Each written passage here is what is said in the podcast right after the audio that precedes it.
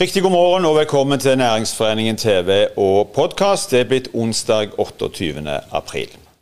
Arbeidet med den såkalte Forusplanen har vakt både bekymring, raseri og oppgitthet blant næringsdrivende på Forus. Nå er nok et forslag ute på høring, snart tre år etter at det opprinnelige planforslaget ble lagt frem. Siri Nybø i Tvedt Eiendom er med oss i denne sendingen. Det er òg Margit Hagerup, stortingsrepresentant for Høyre, som har skapt nytt liv i kommunesammenslåingsdebatten. Siri Nybø, velkommen til oss. Takk. Du er administrerende direktør i uh, Tvedt Eiendom, et selskap som lenge har hatt uh, planer om en utvidelse av uh, Tvedt-senteret på, på, Forus. Hvis jeg sier Forusplanen, hva, hva tenker du da? Ja, nei, Da tenker jeg på en, en runddans som føles litt sånn evigvarende. der jeg lurer på om vi noen gang kom i mål. Mm. Eh, oppstarten var i, i, 2014, og vi har allerede sendt inn fire høringsinnspill. Og sist var det i 2019, så det, det begynner jo å dra ut. Mm. Du, hva, si litt om hvordan den prosessen har, eh, har vært. Hvordan den har opplevd fra, fra, fra deres side. Mm. Eh, den føles eh, utmattende. Eh, for vi, har så lyst til å komme i gang skikkelig med, med planene våre på Forus. Eh, men prosessen har vært så uforutsigbare med manglende framdrift og beslutning at en, en blir jo oppgitt på veien. Hva, eh, Hvis vi skal snakke litt om konsekvenser, eh, og gjerne for hele Forus-området. Hvilke konsekvenser har det at denne planen etter såpass mange år fortsatt ikke er i mål? Mm. Eh, det gjør jo at det, det, stagnerer på Forus. Det hindrer utvikling og modernisering av arealer. Det blir jo stående sånn som det står. Ehm, for eiendomsbesittere sånn som oss, så skaper det en stor usikkerhet i forhold til hva, hva framtida bringer. Eh, og vi har ikke forutsigbarhet nok til å kunne investere i, i planleggingsarbeidet. Mm. Eh, at det drar ut i tid, svekker jo òg Forus sin attraktivitet både lokalt og nasjonalt. for aktører som vurderer en etablering, de kan jo ikke være trygge for at det blir en utvikling på Forus. Mm. Det opprinnelige eh, eh, planforslaget, hvis jeg ikke husker helt feil, eh, som er noen år tilbake i tid, skapte jo et ramaskrik på, på, blant bedriftene på Forus spesielt, og for så vidt òg næringslivet generelt. Si litt om, kort om, om hvorfor, hvis en skal liksom gå litt tilbake og repetere. Mm. Jeg tror at på en måte hovedlinjene var, for den massive motstanden var at det, det fremsto så fjernt fra det vi kjenner som Forus, mm. og, og, som Forus sine styrker. Eh, næringslivet følte seg nedprioriterte. og For bilen skulle ha en begrensa plass. Det skulle anlegge store grøntområder og parker. Eh, plasser som det ikke var beboere. Eh, og når en òg kalkulerte disse rekkefølgetiltakene, så viste det seg at det var ikke økonomisk bærekraftig eh, å, realisere en utvikling basert på den planen. Mm. Eh, som igjen fører til at Forus mister konkurransekraften. Du, det, er, det, foreligger jo et nytt forslag som er ute på en begrensa eh, høring. Um, du har kanskje fått lest deg opp på det, men, men, men hva, hva syns dere om det forslaget, som, for, det forslaget som nå foreligger, kontra det som opprinnelig ja. Det som, som, forundrer meg mest, er at det, det blir påpekt fra administrasjonens side at det foreligger vesentlig avvik i forhold til vedtatte planprinsipper og strategier, og at det er i strid med faglige anbefalinger. Um, og Da er det jo en overhengende risiko for at en ikke kommer i mål, for da vil det komme innsigelser mm. uh, fra de overordna myndighetene. Og da blir det nye runder. Uh, altså at jeg vet ikke om vi kan forvente å komme i mål denne gangen heller. Mm. Dere, vi var inne på det innledningsvis, for dere har jo lenge hatt planer eh, for, eh, for Tvedtsenteret. Dere etablerte dere der ute for mange mange, mange år siden.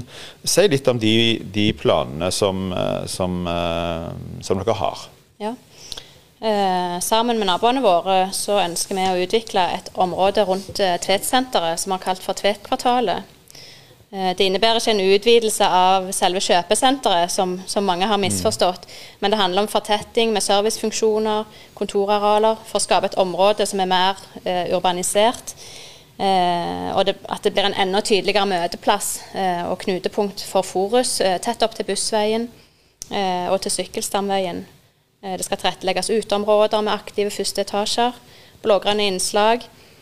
Eh, det skal være attraktivt å være der, det skal være spisesteder. Ja. Mm. Lage et mer hyggelig miljø, da. Nemlig. Mm. Så har dere jo som sagt eh, hatt de planene en stund. Eh, samtidig så har forusplanen versert i ulike organer. Eh, hvordan opplever du at dere er på en måte blitt behandla, ivaretatt, i forbindelse med disse planene, enten det nå er hos politikere eller i administrasjonen i kommunene?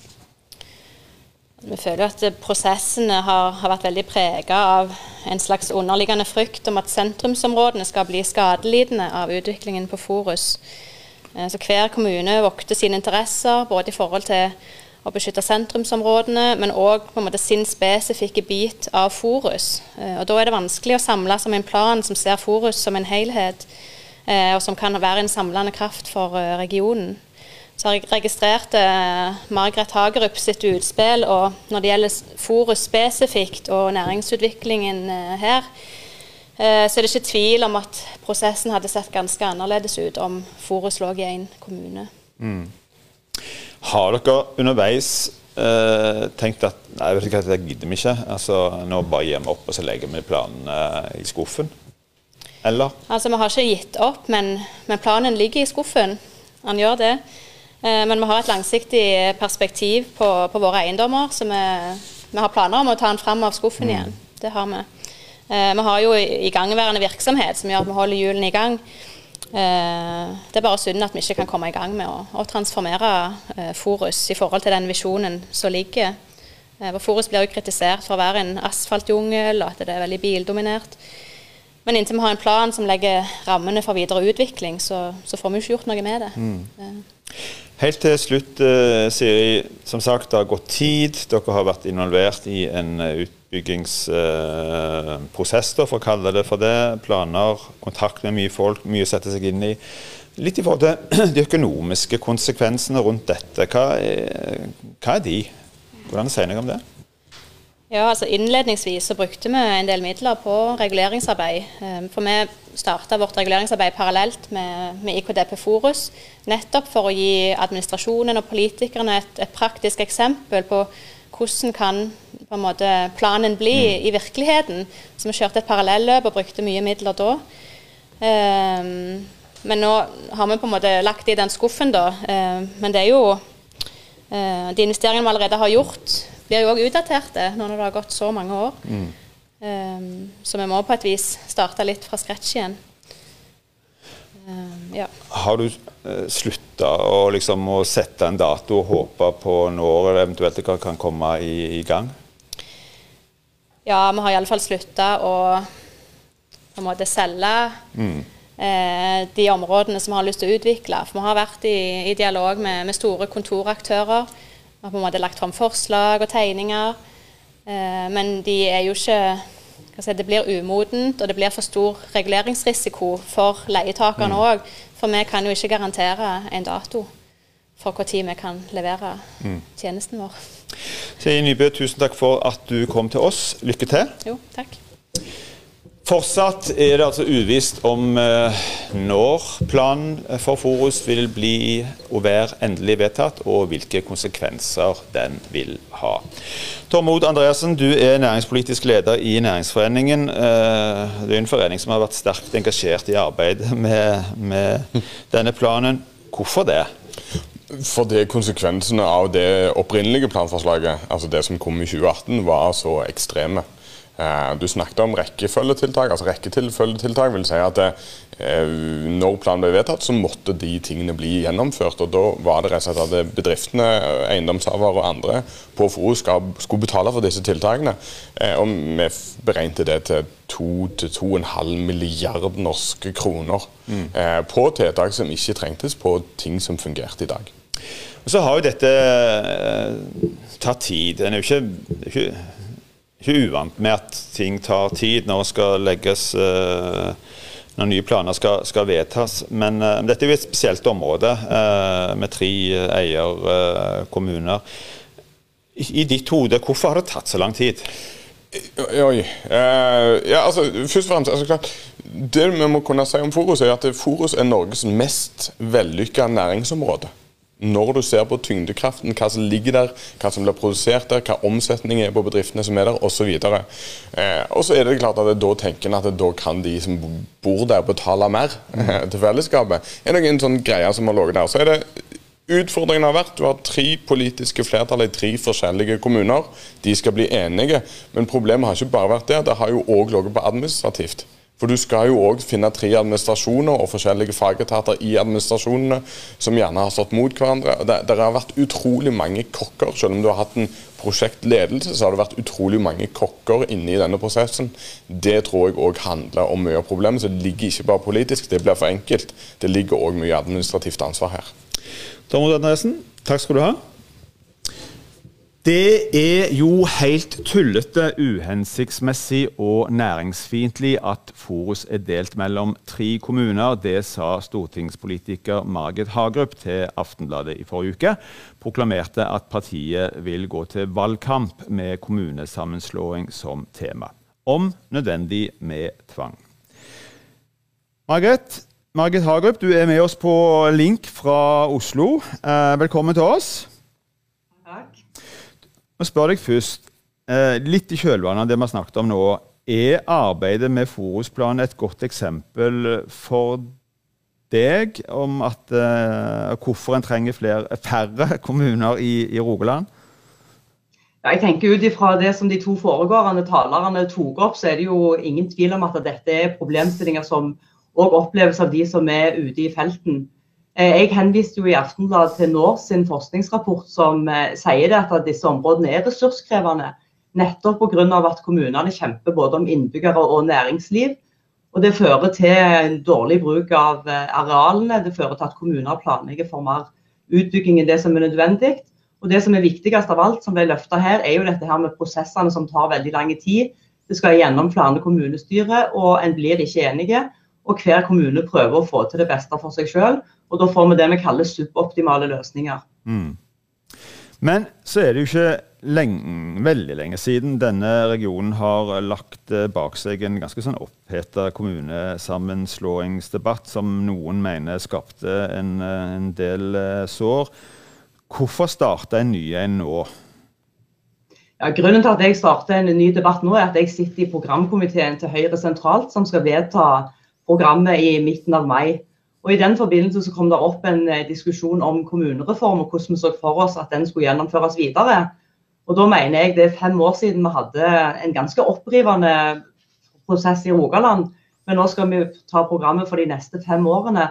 Og Da mener jeg at vi er nødt til å løfte den debatten. For det vi har snakket om nå viser jo at det fremdeles er et behov for å diskutere disse tingene. For det handler om tjenester nær folk. Det handler om sårbare tjenester innenfor barnevern, rus og psykiatri.